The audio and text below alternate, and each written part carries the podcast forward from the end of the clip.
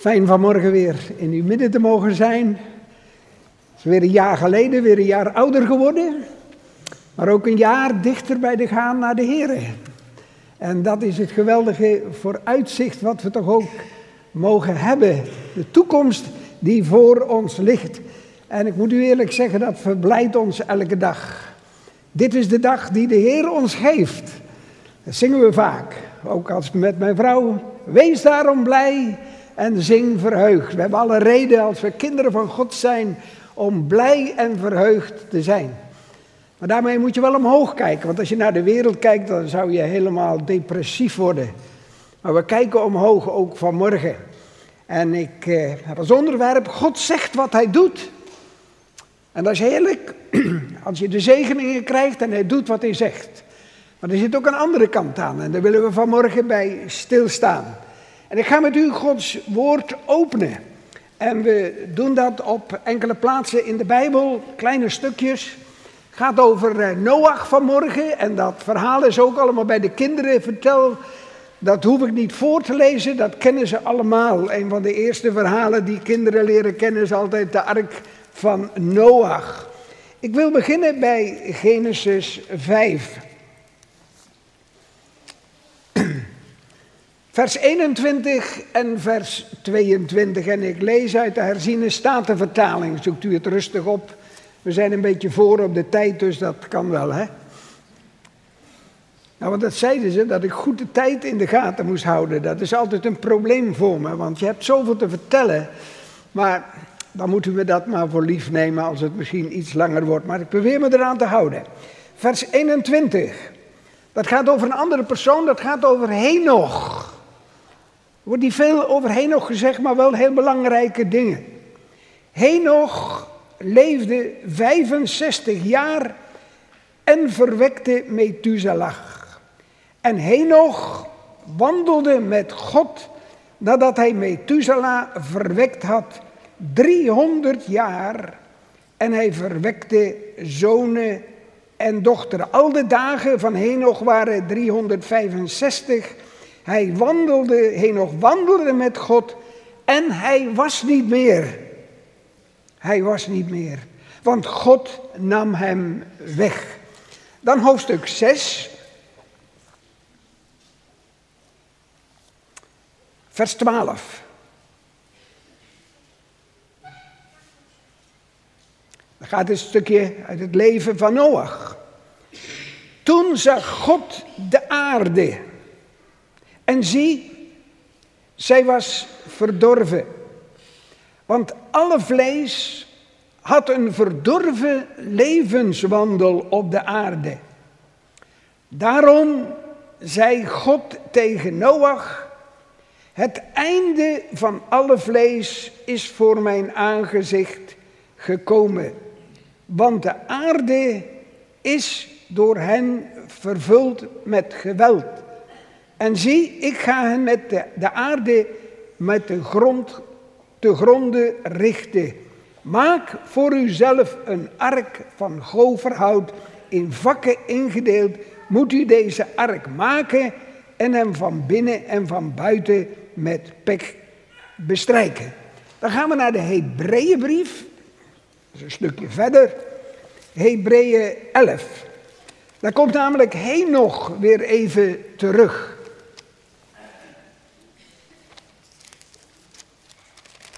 Henoch komt eigenlijk drie keer in de Bijbel naar voren. Twee weten we meestal, de derde niet, maar daar kom ik dadelijk wel op.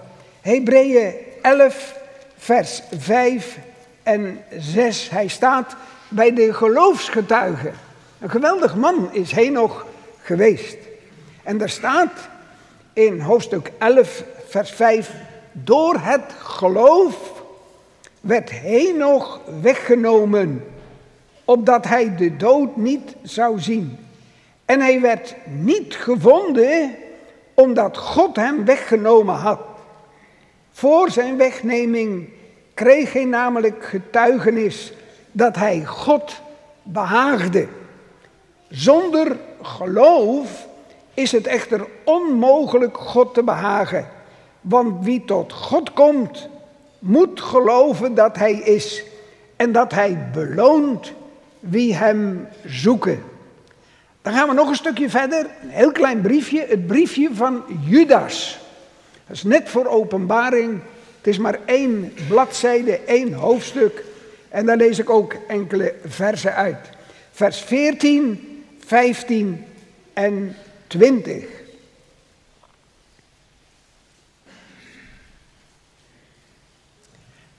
En daar staan deze woorden. Ook over hen heeft Henoch de zevende vanaf Adam geprofeteerd. Toen is hij, zie de Heer is gekomen met zijn tienduizenden heiligen. Om over alle het oordeel te vellen en alle goddelozen onder hen terecht te wijzen voor al hun goddeloze daden die zij op goddeloze wijze bedreven hebben en voor al de harde woorden die zij, goddeloze zondaars, tegen hem gesproken hebben. Dat gaat over de wereld. En dan staat er in vers 20, maar u, geliefde, dan gaat het over ons, bouwt u zelf op in uw allerheiligst geloof en bid in de Heilige Geest. En bewaar uzelf in de liefde van God. En verwacht de barmhartigheid van onze Heer Jezus Christus tot het eeuwige leven. Tot zover de inleiding over de woorden van God. God zegt wat hij doet. Nou, wij zeggen ook vaak wat we zullen doen. En vaders en moeders zeggen ook vaak wat ze zullen doen. En als dan puntje bij paaltje komt, nou, dan bedenken we ons nog wel eens een keertje. Maar dat is niet bij God zo. God zegt wat hij doet. En hij doet wat u zegt. Daar kunt u absoluut op blind varen. En hij maakt van tevoren altijd bekend wat hij gaat doen. En dat zien we ook in dat wat we lazen vanmorgen. Henoch. Henoch is eigenlijk de allereerste profeet in de Bijbel. En Christus was de laatste profeet van het profetisch woord. En daarom zegt Christus ook in Matthäus 24, zoals de dagen van Noach waren, zo zal ook de komst van de zoon des mensen zijn. En we hebben gelezen vanmorgen, zomaar in die enkele versen, hoe de dagen van Mozes waren, van Noach waren. En er stond, de aarde was vol geweldenarij en verdorven. Dat was de aarde van toen. En als wij het profetisch woord kennen, weten we dat ook deze dingen vandaag gebeuren en dat de komst van de Heer Jezus Christus nabij is. En het zal net zo onverwacht zijn als in de dagen van Noach toen plotseling de deur van de ark gesloten werd en het oordeel kwam. Ook hij nog. Hij leefde in een goddeloze tijd. En als hij dan 65 jaar is, dat is bij ons dan al meestal verleden tijd om kindertjes te krijgen.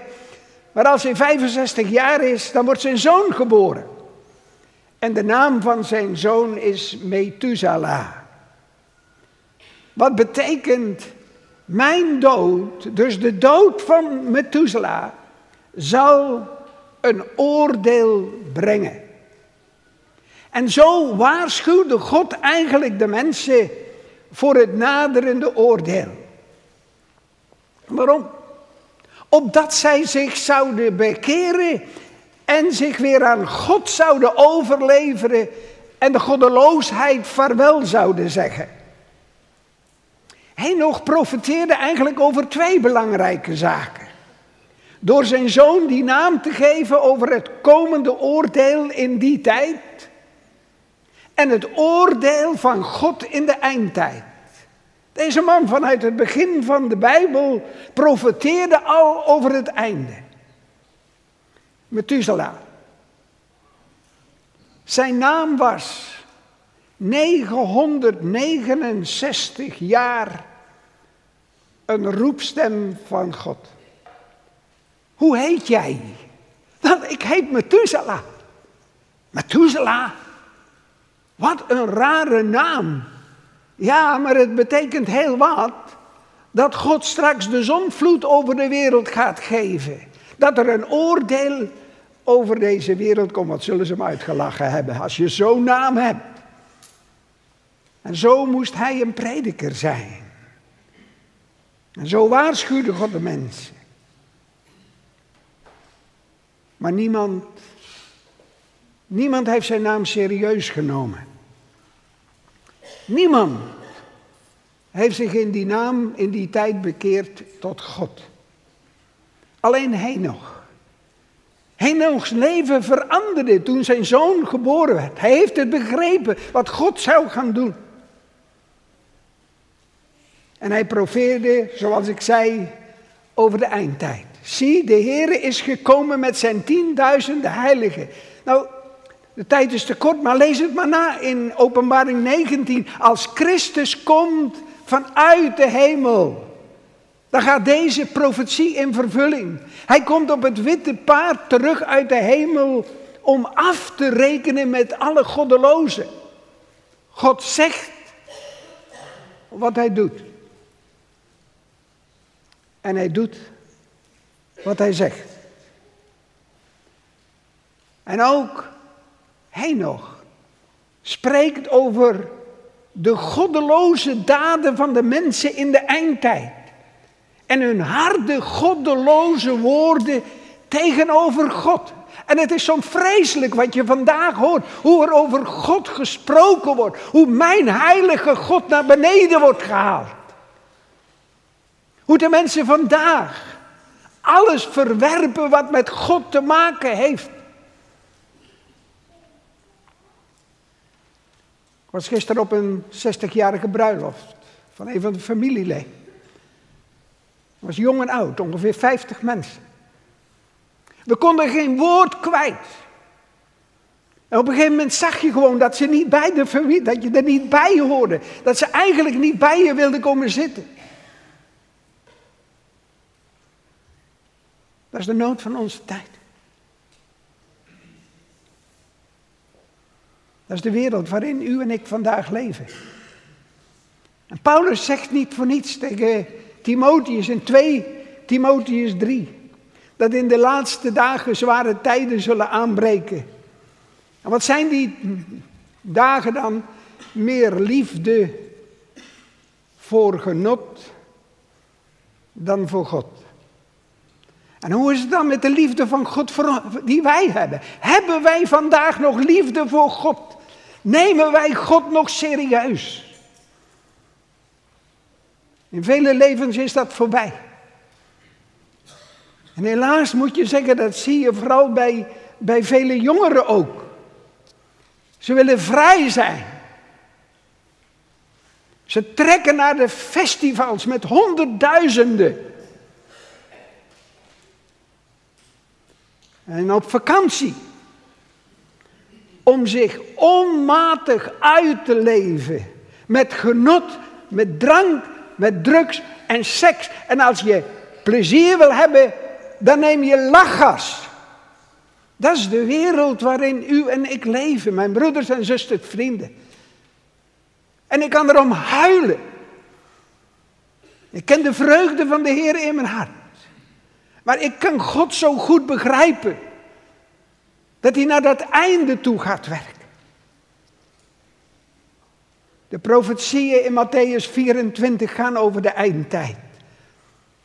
Leest u het alsjeblieft nog eens door. Want het gaat over de oorlogen, over de aardbevingen, over de besmettelijke ziekte, over de hongersnood, over vreselijke verdrukking. We zeggen vandaag, met al die droogte die je nu geweten is. Ja, dat komt allemaal van het klimaat. Ik zal u wat anders zeggen vanmorgen. Dat komt bij God vandaan. Lees het maar na in het Oude Testament. Daar zegt God, als ik de hemel sluit, valt er geen regen.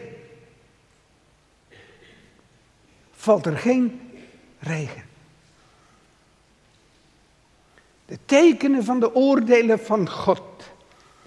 Die gaan komen over alles wat gebeurt. Wanneer? als de maat vol is. En dat bepaalt alleen de Heere God zelf. Dat was ook zo in de dagen van Noach. Ach, zeggen mensen, dat is altijd zo geweest. En dat is waar. Maar kijk nu eens even naar wat God gezegd had. Wat hij zou doen.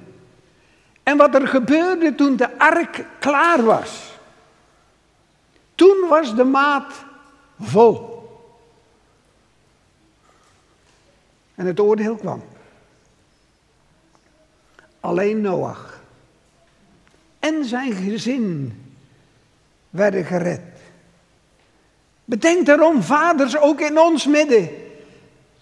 Dat het gaat om je vrouw en je kinderen. Dat het gaat om je hele gezin.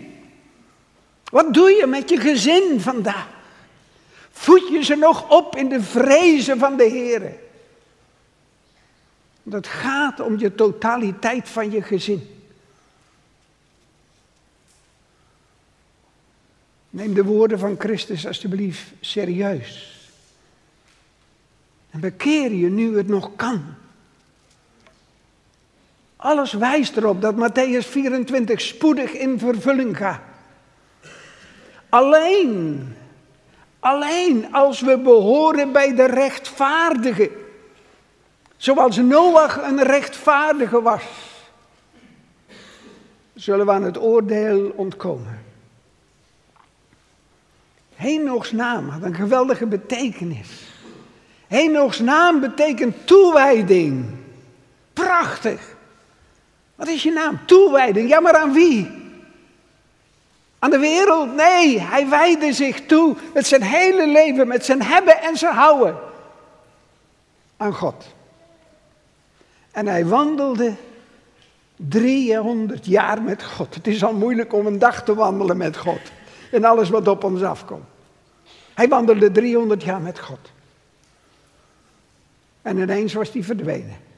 Dat is toch wat? Er was nog geen Amber. Als er had geweest, hadden ze hem ook niet gevonden. En je kunt zo, zo voorstellen dat ze overal aan het zoeken geweest. Waar is, waar is hij nog? Waar is hij nog? Het hele gezin zit aan tafel en vader Henoch is er niet meer. Dat klopt. Door het geloof werd nog weggenomen. Zomaar. Was er niet meer.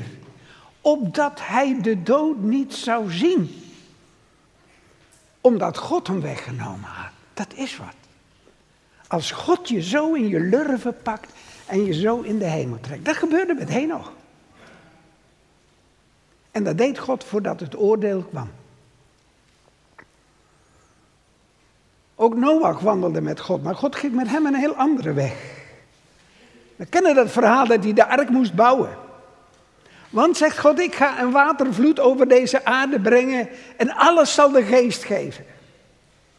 Eigenlijk profeteerde Noach en Methuselem over het komende oordeel. Methuselem door zijn naam en Noach door het bouwen van de ark. U kunt het narekenen. Maar op het moment dat Methuselah stierf, na 969 jaar, kwam het oordeel. En ging Noach met zijn gezin in de ark. En alle anderen kwamen om in het water. Dan beweegt er iets in je. Hè? Ik hoop dat dat ook bij u ook nog is, dat u nog een bewogen hart hebt voor de verlorenen. Daarom was ik zo blij van onze, met onze broeder dat hij zei, we zijn aan het evangeliseren geweest. En 15 mensen hebben hun hart aan de Heer gegeven. En daar zijn we geweldig blij om. Want er zijn er nog tienduizenden die dat niet doen. Als je kiest, kies je ook voor de gevolgen. Daar moeten we goed over nadenken. Deze geschiedenis is een geweldige les voor ons. En ik hoop dat wij die hier zitten vanmorgen God nog serieus nemen. God nog geloven op zijn woord. Want nog is ook een beeld van de gemeente van Christus. die als de bezuin zal klinken, plotseling wordt opgenomen en weggerukt worden van deze aarde en naar het vaderhuis in de hemel gaat. Lees het maar na in 1 Thessalonicense 4 over de opname van de gemeente. En de gemeente van Christus, zover ik het woord van God versta, wordt opgenomen voordat de oordelen over deze aarde komen. Maar om als hij nog opgenomen te worden, moeten wij aan Gods voorwaarden voldoen. Want anders zul je met je gezin en je vrouw en je kinderen, als je dat niet serieus neemt, achtergelaten worden. Dat gebeurde toen de deur van de ark gesloten werd. Want niemand, ook in de tijd dat Noach de ark bouwde, niemand heeft zich bekeerd. Niemand mocht die ark mee in, dan alleen Noach en zijn gezin. Weet je wat zo heerlijk is? En dat verblijdt me. Dat het nog genadetijd is. Genadetijd. Dat mensen nog kunnen veranderen. Dat mensen nog aan het oordeel kunnen ontkomen. Maar alleen geloven is in God is niet genoeg. Ook een vroom godsdienstig wettisch leven of goede werken, ze zijn niet voldoende. Ook niet om hier te zitten elke zondag.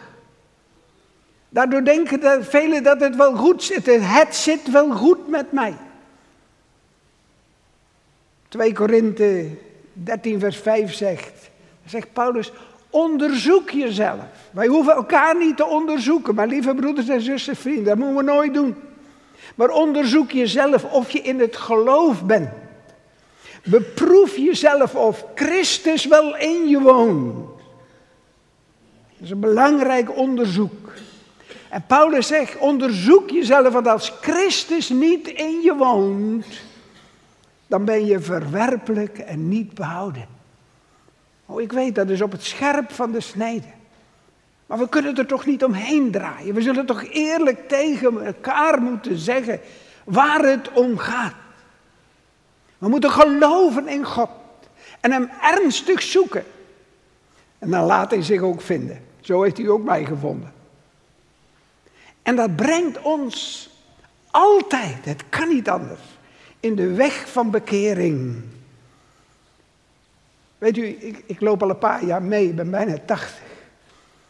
Ik heb zoveel mensen ook ontmoet die zeggen bekeerd te zijn en er is nog nooit iets in hun leven veranderd. Er is geen enkele vrucht te vinden. En dan moet ik altijd, als ik dat hoor, denken aan de gelijkenis van de zaaier. U kent hem wel. Wat op de harde grond viel, op de steenachtige grond. Tussen de dorens en tussen de distels. Het ging allemaal dood. En daarom haken vandaag ook zoveel mensen af. Het is heerlijk te horen van mensen die tot geloof komen.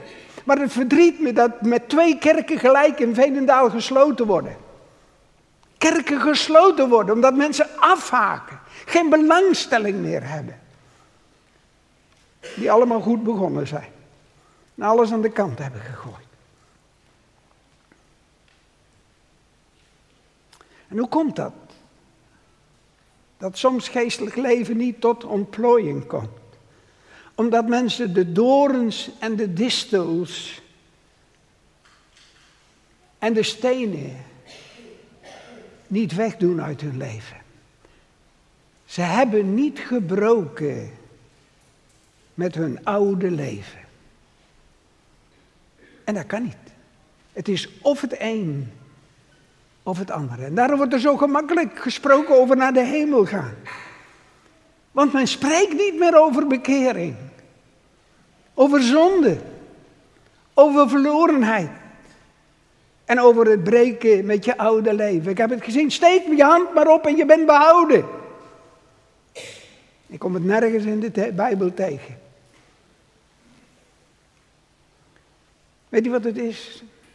Dat is een christendom zonder Christus. Zonder berouw. Zonder vergeving. Redding. En zonder een nieuwe geboorte uit God. En daarom zegt de Heer Jezus profetisch in Lucas 18, vers 8.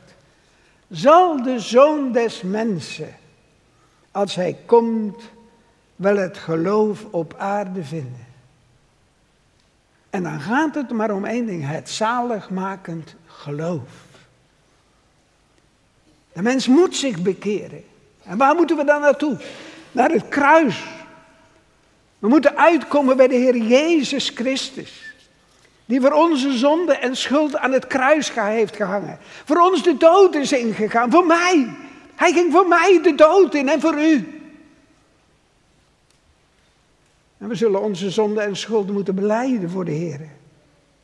En volkomen moeten breken met ons oude leven. En zo in het geloof Christus aanvaarden als onze verlosser en zaliger. Dan worden we opnieuw geboren uit God. En, en, dan gaat dat werken. De geest is de enige wind waarvan we kunnen leven. Want dan worden we verzegeld met de Heilige Geest die in ons komt wonen. De derde persoon van de drie enige God. Wat een voorrecht, als je dat mag beleven. En dan woont Christus in ons. We kennen elkaar niet zo goed. Sommigen van u ken ik, de meesten niet helemaal niet. Ik hoop niet dat hier nog Henochs zitten vanmorgen. Dat je nog geen Henoch bent. Dat je je nog niet bekeerd hebt. En als dat zo is, als je nog geen Noach bent, nog geen rechtvaardige, dan nodig ik je uit om vanmorgen niet naar huis te gaan zonder Christus. Oh, de mensen op de markt hadden het nodig. Maar ik weet dat er vaak in de diensten ook nog zoveel in zitten die nog nooit echt gebroken hebben met hun oude leven. Nog nooit echt Christus aanvaard hebben. Maar als je doet, dan word je toegevoegd aan die bruidsgemeente die zalig wordt. En ben je ook werkelijk voor eeuwig behouden. Ik heb op mijn eh, kaartje ook wat geschreven. Wat is het grootste zegen in je leven? Ik heb opgeschreven dat ik een kind van God mag zijn. En dat ik eeuwig leven heb. En daar zie ik naar uit, mijn broeder en zuster. Dat is het hoogste en het heerlijkste wat er in je leven ten deel kan vallen. Dat is de genade en de zegen van God. En die ligt klaar voor een ieder van ons. En dan is ons oude leven voorbij. Heb je je oude leven al opgeruimd? je oude leven al bij de vuilnisbelt gebracht. Want we zijn gegrond en geworteld in Christus om wat te doen? Om vrucht te dragen voor Hem. Te leven voor Hem. Als een Henoch. En dan word je opgenomen in de hemel. En ik moet u zeggen, ik zie er naar uit met mijn vrouw. Voordat de oordelen komen. Niet uit een stuk angst als we dan maar weg zijn. Nee, om te gaan genieten van de heerlijkheid die God voor ons bereid heeft. Dat is het summen. Nog. Wat een man, hè? Hij wandelde alleen met God. Zo moeten wij ook Christus toebehoren. En ook leren wandelen met God. Henoch is eigenlijk ons geweldig voorbeeld. Hij wandelde onbevreesd met de Heer. Moet je nagaan. Hij was de enige. De enige gelovige. En hij wandelde onbevreesd met God. Oh, dat is niet gemakkelijk. Te midden van alle goddeloosheid in zijn tijd. En wat had je, zal hij uitgelachen zijn. Daar heb je die vrome Piet weer. Hij doet weer niet mee hoor. Wij, wij hebben de barbecue en het bier dat stroomt rijk en overvloedig. En het eind van de avond is hij allemaal lekker dronken. Dan zit hij weer thuis, Noach. Want hij doet niet mee. Maar lieve broeders, dat is vandaag de praktijk van het leven. En waar horen wij bij? Durven we het nog stelling te nemen? Durven nog om te zeggen, ik ga niet mee? Standvastig en onwankelbaar wandelde Noach helemaal alleen. 300 jaar. Nou, ik hoef gelukkig geen 300 jaar op deze aarde te zijn. Maar bijna 80, nog een klein stukje. Dan is het voorbij. Dan wacht de eeuwige heerlijkheid. En dat volkomen Gods leven was zichtbaar in hem. En toen zei God, nog, het is genoeg. Kom maar, kom maar. En hij was vertrokken naar de hemel. En hij heeft de dood niet gezien. En de wereld? Ja, we kunnen hem niet vinden. Jammer, pech gehad. Hij is, hij is ergens verdwenen. En de wereld leefde onbekonderd, goddeloos verder. Totdat 969 jaar later zoveel genade was er. 969 jaar genade. 969 jaar dat mensen zich konden bekeren. Totdat Methuselah stierf. Mijn dood zal een oordeel brengen en het kwam. Waarom? God had gezegd wat hij doen zou. En hij deed het. En toen Noach met zijn gezin in de ark was, heeft niemand anders dan God zelf de deur gesloten. Een oud lied dat zegt als God de deur sluit, ben je reddeloos verloren. En de goddeloze wereld kreeg zijn loon. Ze zijn allemaal groot en klein omgekomen. En als de bezuin klinkt en de gemeente wordt opgenomen, dan is redding niet meer mogelijk. Als je het evangelie gehoord hebt en naast je hebt neergelegd. Oh, ik weet het. Misschien is het zwaar vanmorgen, maar het kan niet anders. Profetisch woord spreekt van vreselijke oordelen die komen, maar gelukkig ook over redding, verlossing, een hoopvolle toekomst. En daarin zien we de grote liefde van God. De broeder die op de markt was geweest zei vanmorgen, ik heb de angst in de ogen van mensen gezien. En de wereld wordt steeds meer met angst en vrees gehuld. Waar gaat het naartoe? Naar het einde. Maar weet u wat zo mooi is? Dat de Bijbel, Gods woord, ook zegt wat hij met de gemeente doet. Hij verlost de gemeente van de komende toren. Want God heeft ons, kinderen van Hem, niet bestemd tot het verkrijgen van toren, maar tot het verkrijgen van de eeuwige zaligheid. Super, dat is het geweldige. Wat God voor ons bereid heeft door zijn Zoon Jezus Christus. En daar wil ik u zo graag mee bemoedigen. Als u een kind van God bent, dat het niet hopeloos is, maar dat we uitzien naar de komst van de Heer Jezus. En waar komt het dan op aan? Voor ons die de Heer Jezus kennen. Om als een nog te wandelen. De tijd die ons nog rest. En weet u wat zo heerlijk is? Als je gaat wandelen als Noach, dan ervaar je ook in je leven de realiteit van de levende God. In Hebreeën 13 zegt, ik zal je niet begeven. Ik zal je niet verlaten. De Heere is voor mij een helper. En ik zal niet vrezen, wat zou een mens mij doen? Ja, ze kunnen je doden. Je bent je leven vandaag niet meer zeker als je over straat loopt. Je kan zo doodgeschoten worden. Je kan zo mes tussen je ribben krijgen. Dat gebeurt allemaal in ons land. Maar voor wie zou ik vrezen? Stefanus werd gedood. Krijgt de stenen om zijn oren. Hij ging rechtstreeks naar de hemel. Dat is onze toekomst. Wat er ook gebeurt. In dat geloof en dat vertrouwen moeten wij wandelen in deze angstige wereld. Met God. Dan wordt zijn kracht in onze zwakheid openbaar. Want zij die de Heere verwachten, putten elke dag nieuwe kracht. Ze wandelen met God door en in de Heer Jezus. En dat tilt je boven alles uit. Dat geeft de vreugde van God ook in je leven. Dat Hij je boven alles uittilt en door alles heen draagt. En we gaan soms ook als kinderen van God vreselijke diepe wegen. Van zorg, van ziekte, van pijn, van moeite.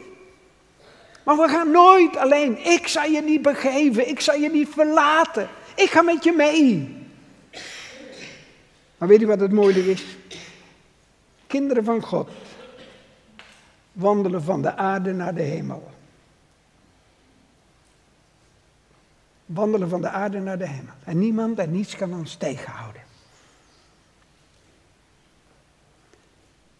Zo getuigen we ook door ons leven. Wie we toebehoren en wat onze toekomst is. Praten we daar wel eens over met mensen. Wat uw toekomst is. Getuigt u ervan. Zo behagen we als we dat doen, onze God en Vader. Daarom is het zo belangrijk om te midden van deze goddeloze wereld te weten hoe we wandelen moeten. Hoe wij God behagen moeten. Velen weten dat niet. Hoe moet ik nou als christen leven? Weet u hoe het komt? Omdat velen de Bijbel niet meer openen. Er was een Veenendaal, een spreker in de gemeente ongeveer van deze grootte. En die had de moed om te zeggen: Hoeveel van u, ben eens eerlijk, lezen elke dag de Bijbel? Alle handen gingen omhoog. Ja, dat had hij verwacht. Er gingen drie handen omhoog. Drie handen van mensen die elke dag de Bijbel nog lazen. Dat is de armoede. Als we de Bijbel niet meer leven, lezen, weten we ook niet meer hoe we leven moeten.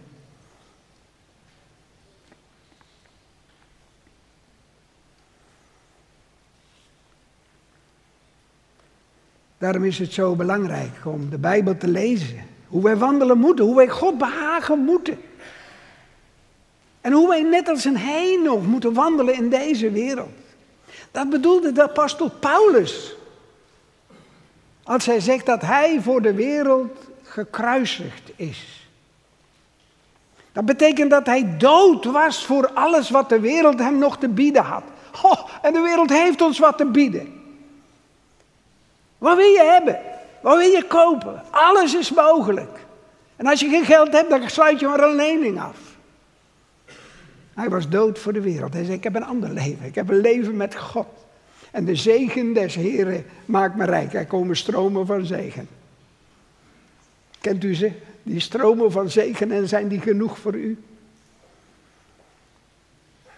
God behagen. Dat is leven van heen. Weet u wat dat betekent?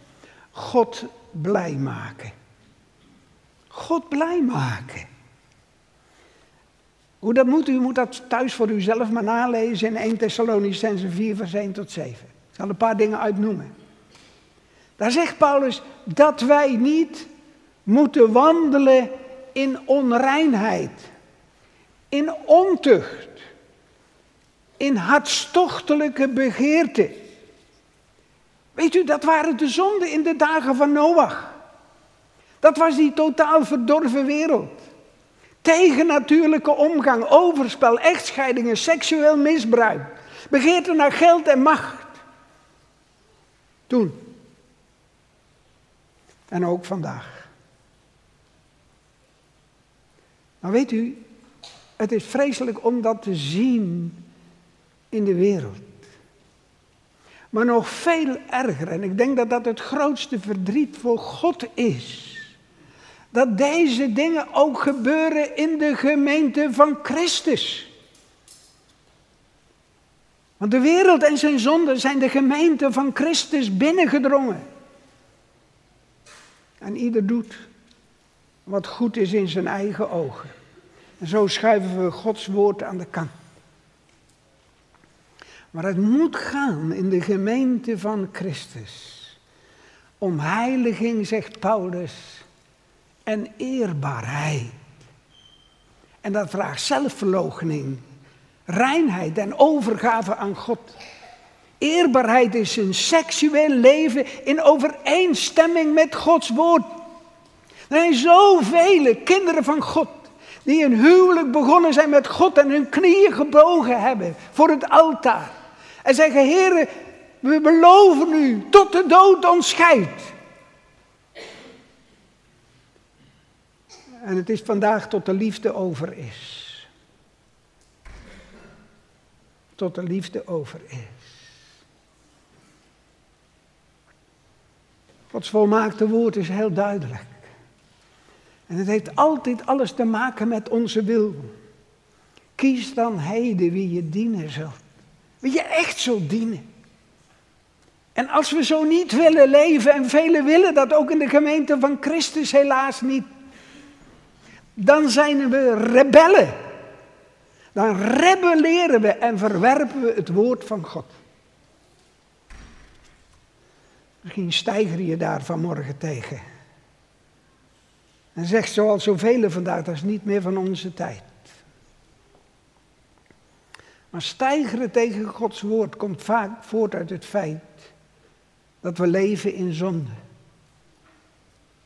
Maar ik moet het zeggen vanmorgen. Ik had veel liever niet gezegd, maar God heeft het zo op mijn hart gelegd om het te zeggen vanmorgen. En ik hoop dat je het woord der waarheid echt serieus neemt. En leeft in overeenstemming met Gods woord. Dan toon je ook naar buiten toe. Dat je behoort bij die ware bruidsgemeente van Christus. Ik hoor zo vaak dat mensen tegen me zeggen: maar broeder van de Bos, als jullie nou Christus zijn, dat hoeft voor mij niet. Als ik zie hoe jullie leven. Dat is erg. Dan zeg ik altijd, ja, dat voetvolk van de Heer brengt er zo weinig van terecht. Maar kijk naar Hem. Naar de volmaakte God. Die is goed en die heeft je lief.